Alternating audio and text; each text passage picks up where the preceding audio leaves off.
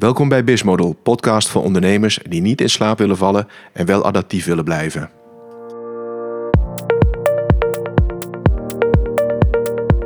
Politiek, de vergoedingensystematiek, de, de, de, de, de rolvervulling van VWS uh, uh, en het ministerie van Financiën speelt natuurlijk een belangrijke rol. Mm -hmm. Maar het is niet de eerste rol. Wat ben je zoal tegengekomen in dit innovatietraject eigenlijk? Een hele leuke vraag. Uh, wat denk ik iedere ondernemer en innovator heeft, is als je het van tevoren weet wat je niet gaat doen. dat is denk ik eigenlijk de conclusie. Is innovatie dus ook vertrouwen? In dit geval? De, en dat maakt innovatie dan buitengewoon lastig, want dan komt een vernieuwing en dan is het ja, maar dat zal wel zijn dat de industrie weer meer geld wil verdienen. Uh, beste luisteraars, welkom bij de volgende podcast van Bizmodel. En ik ben vandaag hier te gast bij de Decision Groep. En ik heb Fred van Edenaam uh, tegenover mij zitten. En we gaan het hebben over een onderwerp ja, waar, waar ik ontzettend veel interesse in heb. En dat komt omdat ik zelf vorig jaar een programma in Denemarken heb gedraaid. Uh, maar heel veel mensen die vragen van ja, waar heb je het nou in hemelsnaam over? En dat is namelijk value-based healthcare. En ik denk dat jullie allemaal als luisteraars denken van nou, als we over, over innovatie en gezondheidszorg hebben, dat we het hebben over, nou, we gaan goedkopere pillen maken en beter snijden. En de patiënt veel sneller uit de operatiekamer rollen en veel sneller uit het ziekenhuis. Maar dat is natuurlijk niet zo fret. Dus bij deze vraag ik je om jezelf even te introduceren en uit te leggen. Uh, wat is de Decision Groep en wat doen jullie allemaal op het gebied van value-based healthcare? En daarna gaan we verder dieper op de materie. Ja, dankjewel uh, sowieso voor de, voor de invite en uh, de mogelijkheid om het over uh, een onderwerp te hebben wat we ongelooflijk leuk vinden. Van hoe kunnen we patiëntwaarde creëren in value-based healthcare en, en welke rol speelt technologie erin. Dus het is een onderwerp wat heel na aan het hart is. introductie Fred van Enenaam. als hoogleraar verbonden aan een aantal universiteiten, waaronder George Washington University in de Verenigde Staten op healthcaregebied. Uh, Erasmus in uh, Nederland, uh, um, een aantal universiteiten als visiting. En ik doe veel, mag veel doen met de groep van Porter rond, rond Harvard, waar ik affiliate faculty ben. Dat is denk ik de academische kant op het gebied van healthcare, zowel als strategie en bestuur.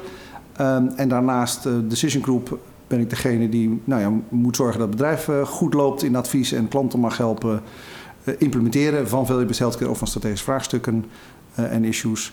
Uh, en de Decision Institute die zich vooral uh, bezighoudt met in-company trainingen. En hoe ben jij uh, eigenlijk bij dit onderwerp terechtgekomen, Fred? Wat is de geschiedenis van de, de, Decision, de Decision Group? Ja, laat ik het beperken tot de geschiedenis van de, van de healthcare en value-based healthcare. Dus zo'n 20, 25 jaar geleden als simpele econoom, zoals velen, was ik gefascineerd geraakt van... ja, maar waarom gaat het nou in die zorg zoals het is en kan dat niet allemaal slimmer, handiger, mooier, beter? Dan heb je toch de bedrijfspet op en dan denk je, nou, dat moet toch kunnen. Um, dat blijkt dan toch terecht anders te zijn. Voor een deel onterecht, maar voor een deel heb je niet zo verschrikkelijk veel aan wat ik in mijn bedrijfsleven heb geleerd. Uh, in de toepassing van, bij, bij gezondheidszorg. Dus dan doe je vaak meer schade dan goed. Um, nou, dat is een beetje die historie. Decision Group heeft eigenlijk altijd de helft van zijn business en ook de helft van mijn academische tijd is altijd gegaan naar gezondheidszorg. Hoe kunnen we implementeren? Hoe kunnen we helpen verbeteren? Soms vanuit de optiek van de optiek van, van de industrie. Meestal vanuit de optiek van artsen en patiënten. Soms vanuit zorgverzekeraars. Uh, en soms vanuit, uh, vanuit overheden of, uh, of, of belangengroepen. Dat is eigenlijk de historie. Op gebied is misschien wel grappig om even te beseffen. Ja. Ik heb een goede persoonlijke band sinds 2001 of 2 met professor Porter van Harvard. Mm -hmm. dat, nou, dat, is iedereen. Ik hoop dat bij de luisteraars bekend is. De, de vijf krachten van Porter. Precies, de, de, de May the Five Forces be with you, zal ik maar zeggen, die man. ja. ja uh, en daar hebben we natuurlijk ook allerlei dingen in kunnen doen, ook academisch.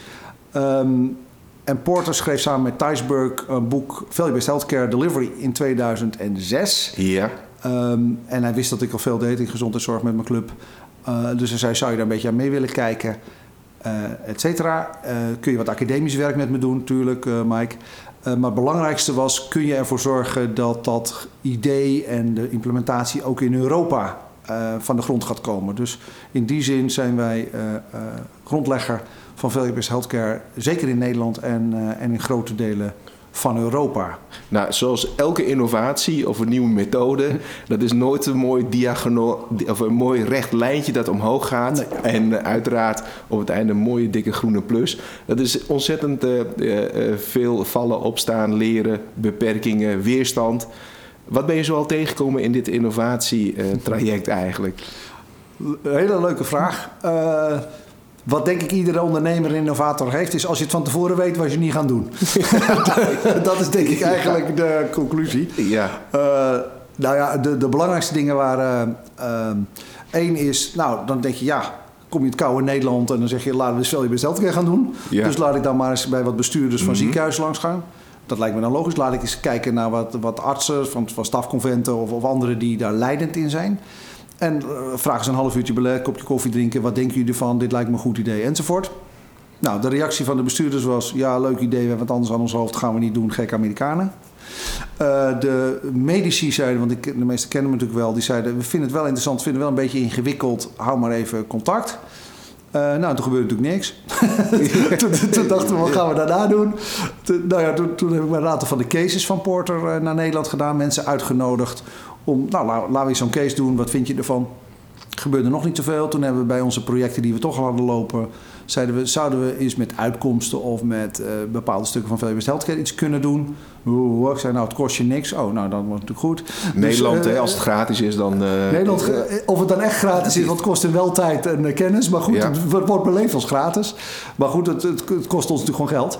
Um, maar daarmee hebben we wel heel veel geleerd. Dat, en, en dat leidde dan tot de uitnodiging. Toen heb ik een aantal bestuurders uitgenodigd om naar Porto mee te gaan. Maar dan zijn we alweer drie jaar verder. Dus het is wel een beetje, nou ja, je voelt je dan toch, toch een soort evangelist. en er was natuurlijk geen arts die Porto kende. Kijk, ja. economen wel, maar artsen, nou, hoe, hoe zie Ja, wie, wie is dat? Wat heeft hij uitgevonden? Ja, en, en mag je ook je mensen prikken en snijden? Antwoord is nee, dus het is ook maar een econoom. Dus dat was wel uh, interessant. Nou ja, uh, op een gegeven moment een aantal bestuurders meegenomen. Zeiden, ja, dat willen we toch eens even goed gaan doen en proberen. Die, die hebben ons toen wat projecten uh, geholpen, zodat we dat goed konden doen. Meetbaar Beter is er een van. Santion hebben we wat mogen meehelpen.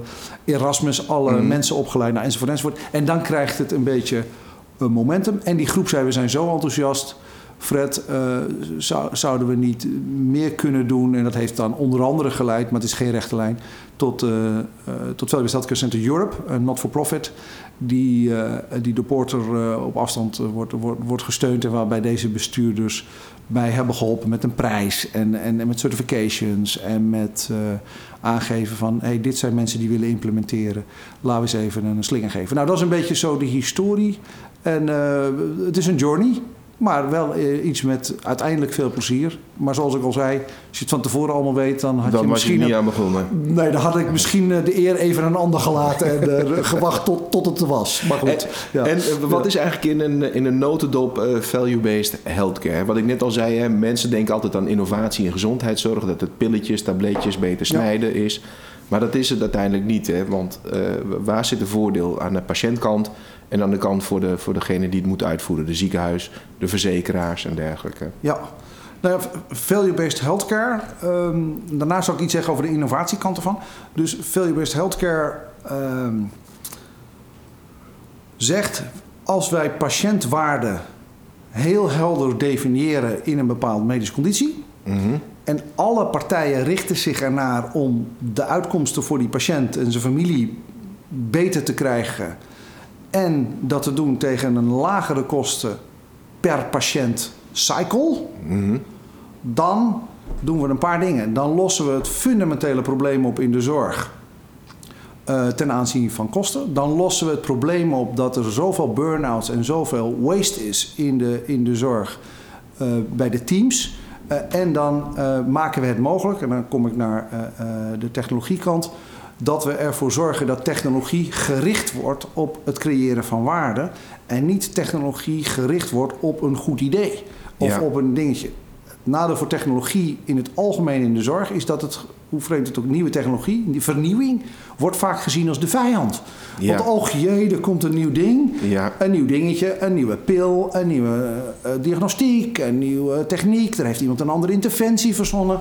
Oh god, Dat kost in ieder geval geld. Paniek. Paniek, want Ja. dus dan wordt, wordt innovatie, en dat zie je elke dag in de krant, wordt innovatie gezien als de vijand. Oh, je tegenhouden, in, in- in- niet doen, want dat kost allemaal geld en we weten niet of het oplevert. En waarom? We weten ook niet wat het oplevert. Want, want is het dan zo dat mensen er langer leven? Ja, niet theoretisch, maar praktisch. Hebben ze dan minder infecties? Hebben ze een betere quality of life? En als je dat niet weet en niet beloont, ja, dan ga je, eh, da- dan ga je dat doen. Dus dat, dat is wat Valuable Healthcare probeert te doorbreken. En is die weerstand eigenlijk ook ontstaan, Fred, omdat er eh, van oudsher geen methode was om dat goed te meten en onder controle te houden? En daardoor dus eigenlijk een ja, natuurlijke weerstand was tegen al deze mooie nieuwe dingen, zeg maar. Ja, gedeeltelijk zeker. Ik zou er nog een fundamentele ding bij zeggen. En dat is, dat is dan in het vertrouwelijkheid van deze podcast. Stukken. We, we, gebrek- we zenden niet uit in Rusland. Dat is Daarom, niet nieuws. daarom, ja, ja. Nee, dus, eh, ja, klopt, ja. Nee, maar, ehm, kijk, in, in essentie is het grote vraagstuk in de zorg... is het onvoldoende hebben van vertrouwen... tussen de verschillende partijen dat ze the right things doen. Is innovatie dus ook vertrouwen? In dit geval? De, en dat maakt innovatie dan buitengewoon lastig, want dan komt een vernieuwing en dan is het ja, maar dat zal wel zijn dat de industrie weer meer geld wil verdienen. Ja. Of ja, dat zal wel zijn dat de zorgverzekeraars de kosten kunnen drukken. Of ja, dat zal wel zijn dat de artsen weer een nieuw speeltje hebben. Of ja, dat zal wel weer zijn vanwege weet je veel. En dat, het gaat helemaal niet over de technologie, maar er is 30 jaar geïnvesteerd in elkaar niet vertrouwen. Hè? Dus, dus het systeem is zo ingericht dat we artsen second guessen over hun handelen. Dat heet protocollen, adherence en budgets. Ehm, eh, dus alles zit dan ineens in vergoedingen. Niet eens in, in geld per se, maar in vergoedingssystematieken. En we vergoeden alleen als je iets doet. Ja, als ik vergoed dat, je, dat ik iets ga snijden, dan wat, wat krijg ik dan? Veel snijden. Ja, En als ja. ik als arts zeg, maar ik wil, moet tijd besteden aan een advies of een lifestyle change, of er zou juist een e-health ding in moeten, of het zou mooi zijn als we dit, dit, dit- want dan hoef ik niet te gaan snijden. Maar ja, als ik niet, ik noem maar even niet ga snijden en het staat niet in de DBC, dan krijg ik het niet vergoed. Dus de ellende is voor artsen en voor teams is dat 80% van het werk wat ze doen niet wordt weerspiegeld in het tarief. Ja. Eh, nou, zo zitten we allemaal aan een ander touw te trekken. Als ik het en dat is de hoor- essentie. dat is waarom het is hoor- gekomen. Het is een herstel van vertrouwen en een richting van iedereen op de echte patiëntwaarde waar we medisch relevant iets mee kunnen. Als ik het zo hoor, dan is er een, zeg maar een, een systeem gegroeid. Het is een eh, monster geworden. En die, is, en die is eigenlijk in het beloning- en betaalsysteem een beetje pervers geworden. Correct. En het houdt heel veel innovatie eh, tegen. Als je dan wilt innoveren, Ja. dan moet je dus langs eh, de directeuren, eh, verzekeraars, politiek niet te vergeten. Ja. En hoe ga je nou aan de politiek uitleggen van beste VVD, CDA of, Ja. of Den Haag? Laten we het even samenvatten als Den. Haag. Jongens, we moeten, moeten dit gaan veranderen, want in Nederland eh, zien we natuurlijk dat, dat de kosten die worden steeds hoger. Maar ja, hoe ga je dat dan doen? Dat stukje innovatie bij de politiek overbrengen?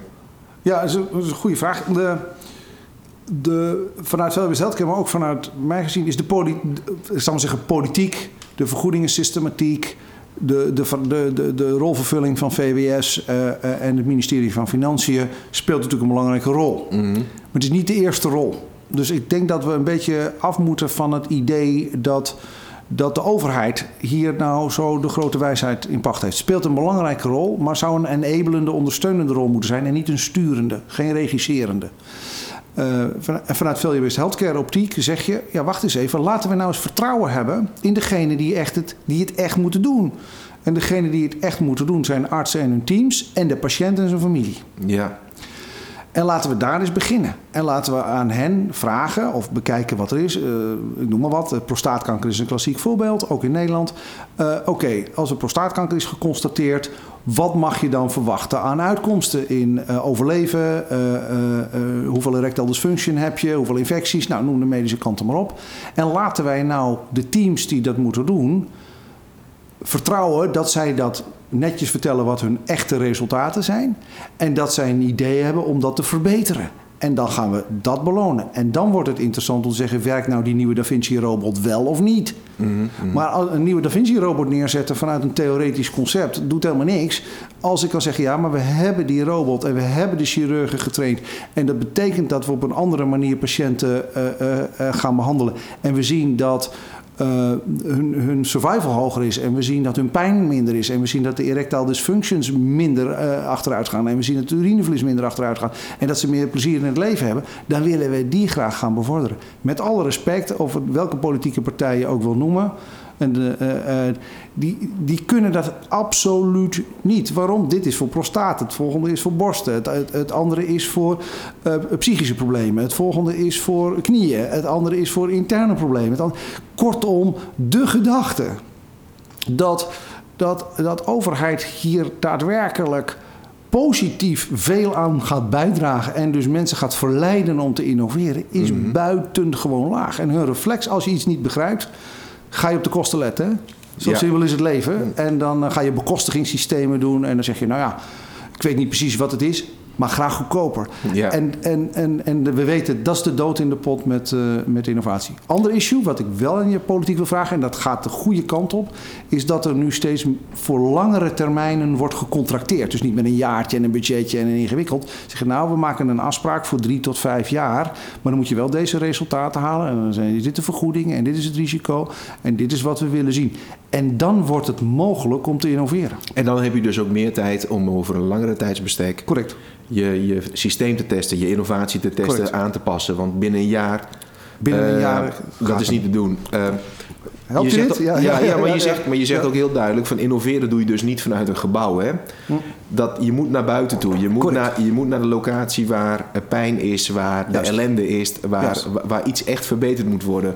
Dus innoveren doe je niet ach- ja, doe je een beetje achter je bureau. Maar uiteindelijk pak je de tekeningen, je, je, je iPadje en alles en hup naar de plek des onheils. Dat heb ik van de, de, de innovatiejongens wel, wel geleerd. Je moet natuurlijk even heel goed begrijpen hoe technisch iets zit. Zeker als het met medicijnen of, of zaken gaat. Maar de- heel snel kijken naar waar het dan door wie moet gebeuren. Ehm, en, en wie zien dat nou elke dag?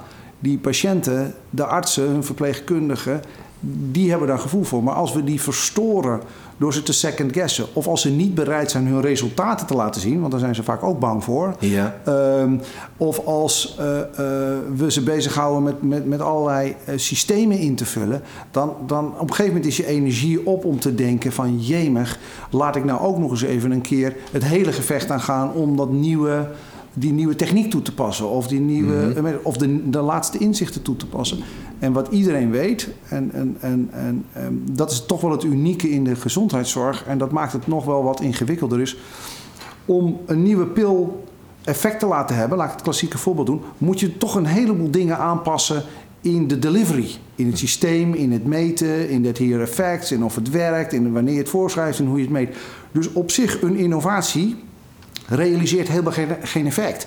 Nee. Dus je moet een aantal dingen eh, tegelijkertijd eh, doen. En de enige die dat kunnen doen, Value Based Healthcare zegt, daar moet je, niet alle artsen, maar dan moet je de, de, de, artsen die de positie hebben, die dat kunnen, die dat willen, die moet je de lead geven. En je moet maar één ding aan ze vragen. Laat ons de resultaten zien, zowel op de uitkomst als de kosten. ja? En, eh, en, en we verwachten, we snappen dat soms de resultaten wat tegenvallen. Dat vinden we niet erg. Wat we erg vinden is als je de resultaten niet laat zien en als je niet zegt hoe je gaat verbeteren. Wat we erg vinden is als je liegt met cijfers. Oké, ja, dat is wel een heel gevoelig dingetje. Ja, dat is een gevoelig dingetje, hè? Ja, Ja. Win- Ja. Winston Churchill zei ooit, je hebt statistieken, nog grotere statistieken en leugens. Mhm. En eh, ja, goochelen met cijfers, dat kan iedereen eh, wel geloven. Exact.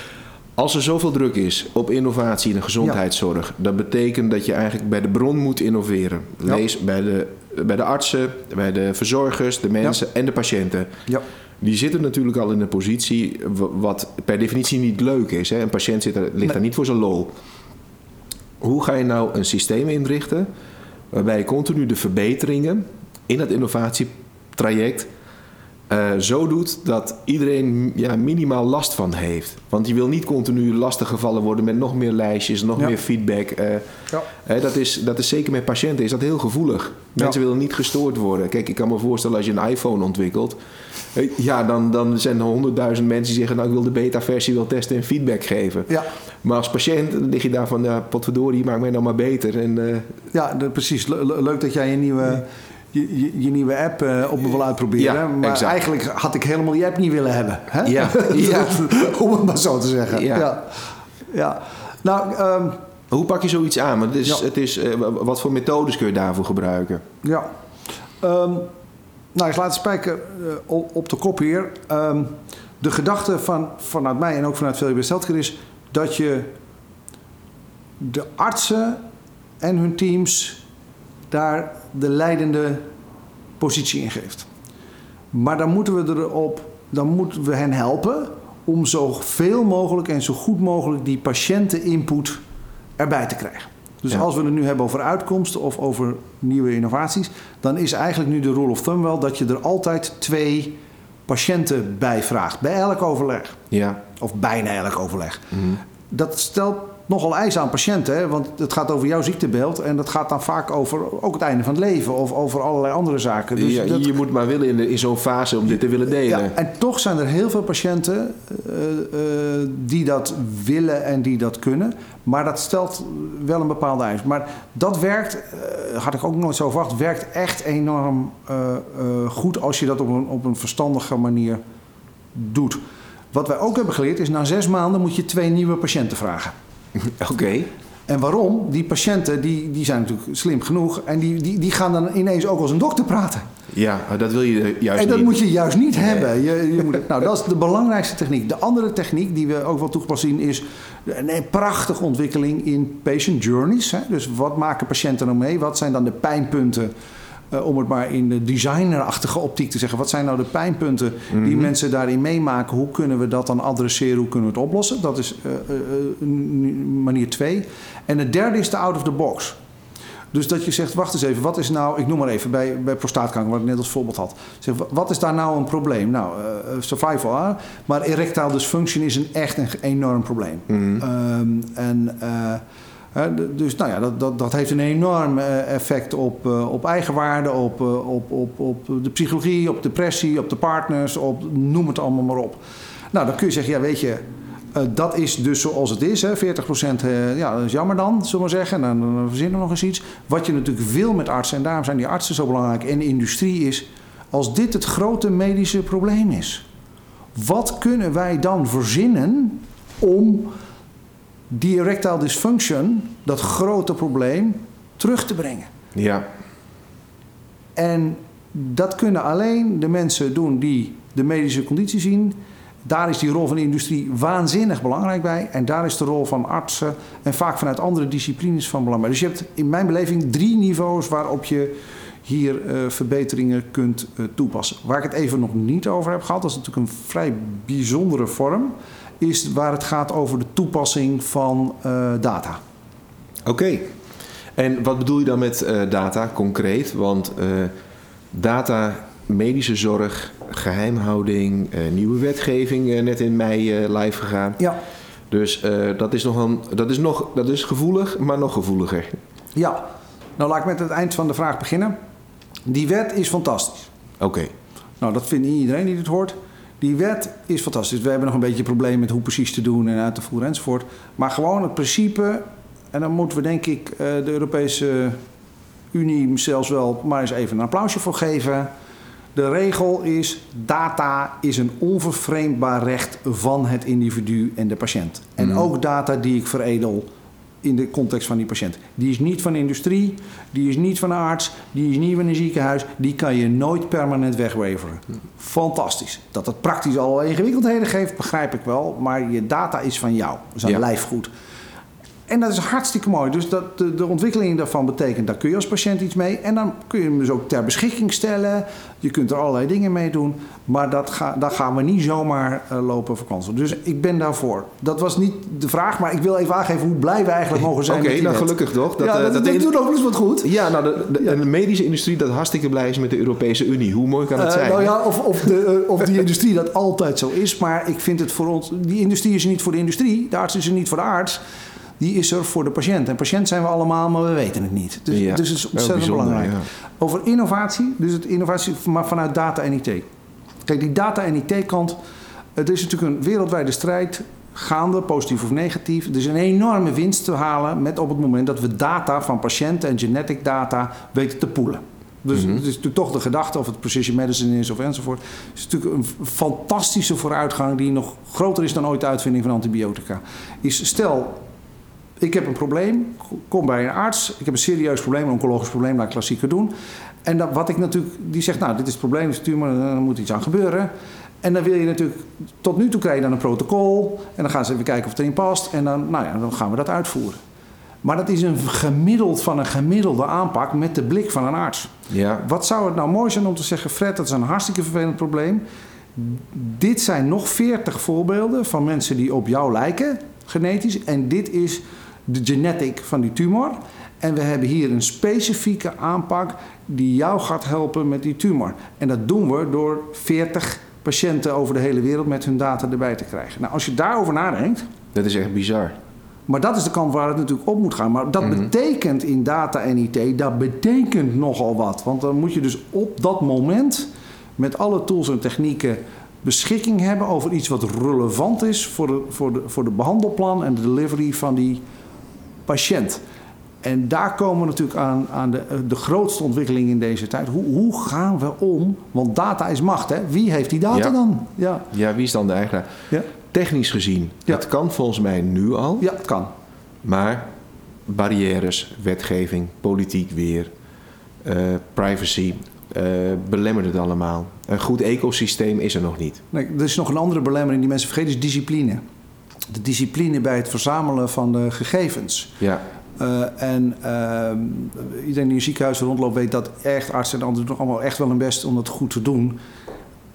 Uh, maar het aantal fouten of incompleetheid of verkeerde definities, dus de capturing van de data, hoe je het ook kan cleansen tegenwoordig hè, met, met software, Mm. maar de capturing van die relevante data en dat gedisciplineerd goed te doen. Voor een deel met e-health is dat, is dat adresseerbaar. Ja.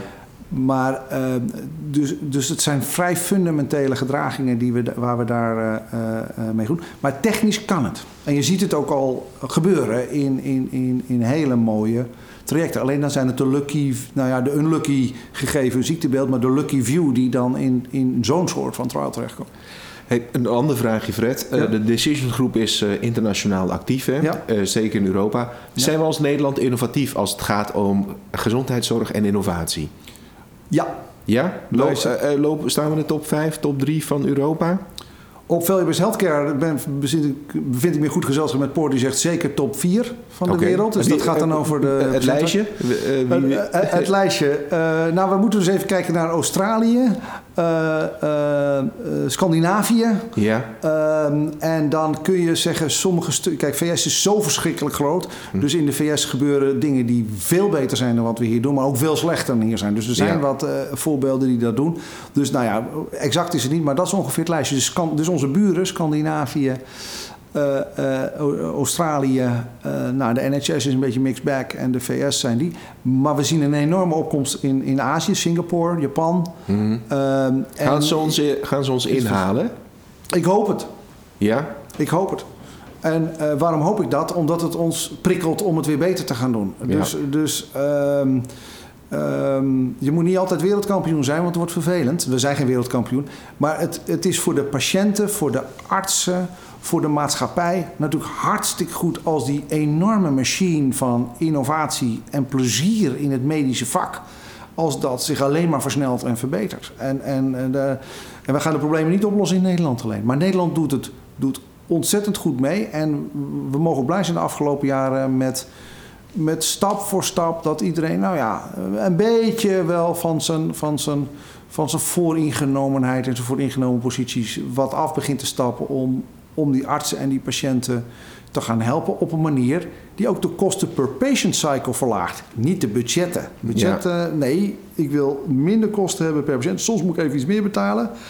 Maar daarna willen we ervoor zorgen dat we natuurlijk uh, per patiënt-episode dat steeds uh, handiger doen. En daar speelt technologie, kennis, de kwaliteit van de teams, leren van de rest van de wereld. Dat is, dat is wat mij elke dag eigenlijk uit mijn bed krijgt als ik daaraan mag meehelpen. Want ik maak niemand beter. Hè? Nee. is, hier past toch wat meer bescheidenheid dan je misschien tot nu toe had gedacht. Maar, maar er past wel bescheidenheid in de rol hoor, die we hebben. Oh, gelukkig. Uh, Fred, als je dan uh, kijkt, hè, waar staat value-based healthcare uh, binnen 1, 2, 3 jaar? Twee jaar vooruitkijken is vaak moeilijk met innovatie. Maar als je kijkt welke stappen we in Nederland maken, hoe, ziet de, hoe zou de wereld van gezondheidszorg in Nederland over ja, één of twee jaar uit kunnen zien? Poeh, één of twee. Um, um, wat het interessant is, als je naar de gezondheidszorg in, naar de toekomst kijkt, is eigenlijk het veel makkelijker om te zeggen hoe het er over acht tot tien jaar uh, uit zal zien, dan over één of twee jaar. En dat is heel raar om te zeggen. En waarom is dat? Omdat er een fundamentele disruptie, die je in andere takken van sport ook ziet, mm -hmm. maar de fundamentele disruptie van de medical is gaande. Maar de wijze waarop we betalen en organiseren en mensen opleiden is nog van de vorige eeuw. Dus, dus we zitten in een transitieperiode. Van We weten nog niet okay. precies hoe het moet. Het heeft zich nog niet bewezen. Maar als ik daar iets over mag zeggen, uh, dan denk ik dat we. Uh, het hele idee van hoe we een ziekenhuis nu, nu zien, hè, gebouw en alles zit erin. Zoveel ziekenhuizen zijn, totaal andere rol. Uh, de UPS'en van deze wereld gaan gewoon belangrijke delen van de zorg aan ons leveren. Helemaal niet op de manier zoals dat uh, klassiek gebeurt. Ja. Um, we, uh, we zullen, om, om maar een raar voorbeeld te geven. De oncologische issues heb ik net een beetje proberen te beschrijven, ja. die precision medicine lopen. We moeten alleen even oplossen. Hoe gaan we nou industrie betalen voor een spullenboel? gebaseerd op dat het effect heeft en dat het een beetje redelijk te wrapstukken is. Ja. Hoe, hoe, hoe, kunnen we dat nou met elkaar doen? En waar, waar, waar industrie dat niet kan, hoe kunnen we dan toch met publiek-private samenwerking wel degelijk voor die kleine groepen uh, daar effecten op krijgen? Maar de data die een rol speelt, de, de, de, de biogenetics die, er, die, die erin komen, de markers die erin zitten, de precision die erin zit, dat gaat gigantisch uh, doen. Dat is één. Het tweede wat we zullen zien in primary care is een nog betere samenhang tussen de medische klassieke de sociale context mm -hmm. en wat je zelf allemaal kunt doen in, te, in termen van adherence. En daar, daar gaan wij die schotten, we gaan, we gaan niet schotten allemaal weghalen, maar het wordt wel ontschot in hoe het werkt voor, uh, voor patiënten.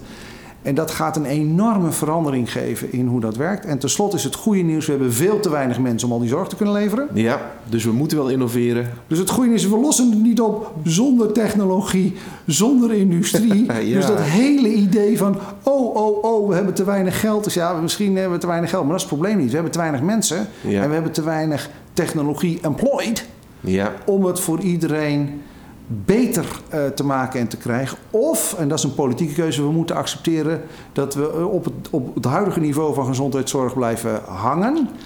Uh, dat, dat we eigenlijk allemaal wat minder krijgen en dat we binnenkort allemaal niet alleen onze ziektekostenpremie moeten betalen, maar dat de kosten weer verder worden verschoven naar de patiënt. Meer bijbetalen, bijzondere medicijnen moet je voor bijbetalen, zus moet je bijbetalen. Er is natuurlijk een, een neiging voor degene die aan de geldkranen zitten om te zeggen: kunnen we nou niet die kosten eens even nog weer wat bij die uh, patiënt gaan verschuiven? En uh, dit is niet bedoeld als een polit politiek statement, maar degene die dat maar constant propageren, daar moeten we toch eens even. Die moeten we toch eens even streng gaan toespreken. Dat de oplossing ligt in technology, in people. Uh, en in op een slimmere manier organiseren. En die ligt niet in andere en nieuwe regels en andere en nieuwe verdienmodellen. En de kosten maar doorschuiven uh, op een noodloze manier naar de burger die niks anders kan. Nou, dat, ik, ik, denk dat dat een hele mooie samenvatting is van value-based healthcare. En uh, Fred, mijn laatste vraag. We hebben net gehad over innovatie. Ja. Afgelopen, het is al bijna 32 minuten dat we aan het woord ja, zijn. okay. um, je hebt gezegd, of, of, we zijn eigenlijk uh, achtergekomen van als je echt wil innoveren, doe je dat niet achter je bureau, maar ga naar de plek waar het probleem is ontstaan. Ja. Ga daar observeren, ga in dialoog aan. Uh, meng je erin en luister, luister, luister vooral heel goed wat er zich afspeelt. Ja. Een tweede is, zorg dat je niet te veel valkuilen maakt door een hele lange trajecten in te gaan, maar juist door korte, eh, Korte sprints altijd. korte sprints maken Ja. om te innoveren. En heb je nog een aanvulling als laatste voor de luisteraars, eh, een, een belangrijke les die je aan, aan de luisteraars mee kunt geven vanuit jouw vakgebied? Eh, wat ze kunnen onthouden of meenemen als ze zeggen van nou we gaan starten met innoveren. Of we zijn ermee bezig. Eh, Of een klassieke valkuil misschien wel. De klassieke valkuil is dat we eh, denken in Nederlandse nationale grenzen. Oké. En dat is omdat we politiek in Nederland georganiseerd zijn. Mhm. Maar even erover nadenkend. De medische issues in Nederland zijn niet uniquely Nederlands. Nee. Dus de, de, de, de, de oplossingen waar we niet eens ingewikkeld over doen, die zijn er al. Dus vraag 1 is: wie is nou de beste in de wereld op prostaat? Wie is nou de beste in de wereld op kinderoncologie? Wie is nou de beste op mijn vakgebied? Zal ik eerst daar eens even gaan kijken? Ja, ja. En, en dan zeg ik, oh, maar dan hebben we ook nog issues, want wij hebben ook goede ideeën. En dan, wat is de echte grote klap? Wat is de unmet need? Erectile dysfunctie met prostaatkanker is een groot probleem. Chemotherapie moeten toepassen bij eh, kankercellen eh, eh, is een enorm groot probleem. Daar moeten de grote klappen op gemaakt worden en daar zijn we mee bezig en dat kan. En dat is eigenlijk, als je niet zelf het slachtoffer ervan bent, zou ik zeggen, ongelooflijk inspirerend en leuk om, eh, om er mee te werken. Eh, en vandaar dat eh, ik voor iedereen die innovatie en vernieuwing zoekt, die gezondheidszorg interessant is. Plus vanuit een businessoptiek, 20% van je economie is gewoon gezondheidszorg. Ja. Dus dat lijkt me wel verstandig om toch maar eens eventjes te kijken of je daar met jouw kennis en producten een, een bepaalde eh, toepassing eh, kan vinden. Het laatste wat ik erover zeg, ongeveer alles wat je kan verzinnen, kun je in een medical setting toepassen. Tot bacteriën aan toe. Ja, ja dus, dus de, het is eigenlijk onbegrensd. Het, het, het enge en het leuke is, het is onbegrensd om de quality of life en de length of life en het plezier beter te maken. Ja. Ik, ik heb net een wijze les gehoord, is dat je voor innovatie en de zorg dus niet alleen naar Nederland moet kijken, maar dat je ook naar buitenland kunt gaan. We drinken Franse wijn, en we eten Italiaanse pizza's, dat vinden we heel normaal. Maar als gezondheidszorg om de hoek komt kijken, dan verkrampen we eigenlijk eh, in het systeem en kijken we niet meer naar buiten toe. Terwijl het eigenlijk heel jammer is. Eh, omdat we. Ja, om, om, omdat we die. Ja, het, fact is fact, omdat Nederlanders met Nederlanders praten en in een Nederlands systeem moeten werken. Ja. Dus, dus bijvoorbeeld vanuit data. En, eh, dus hoe, hoezo zou ik nou, als ik een medisch vakgebied heb, de data voor mijn patiëntengroep gaan verzamelen op het Nederlands niveau van een registry? Gewoon even over nadenken. Ja, Dat is, dat is een buitengewoon raar idee. oké. Fred, ik wil je hiervoor hartelijk eh, bedanken dat ik je mocht eh, interviewen. Mijn dank daarvoor. Ja. Eh, heb je als luisteraar vragen over value-based healthcare? Je kunt contact opnemen met de Decision Group. Ga naar hun website en kijk wat ze allemaal te bieden hebben. En ben je nou een groot speler of een speler in deze industrie? Nou, dan zou ik je zeker aanraden om eens een keer met Fred te gaan praten. Eh, heb je als luisteraar zelf vragen over innovatie algemeen? Je kunt mij altijd natuurlijk bereiken via Twitter en LinkedIn. Of via de e-mail en de telefoon. En dan probeer ik je volgende onderwerp in mijn andere podcast te beha- behandelen. Ik wil je danken voor het luisteren en tot de volgende keer.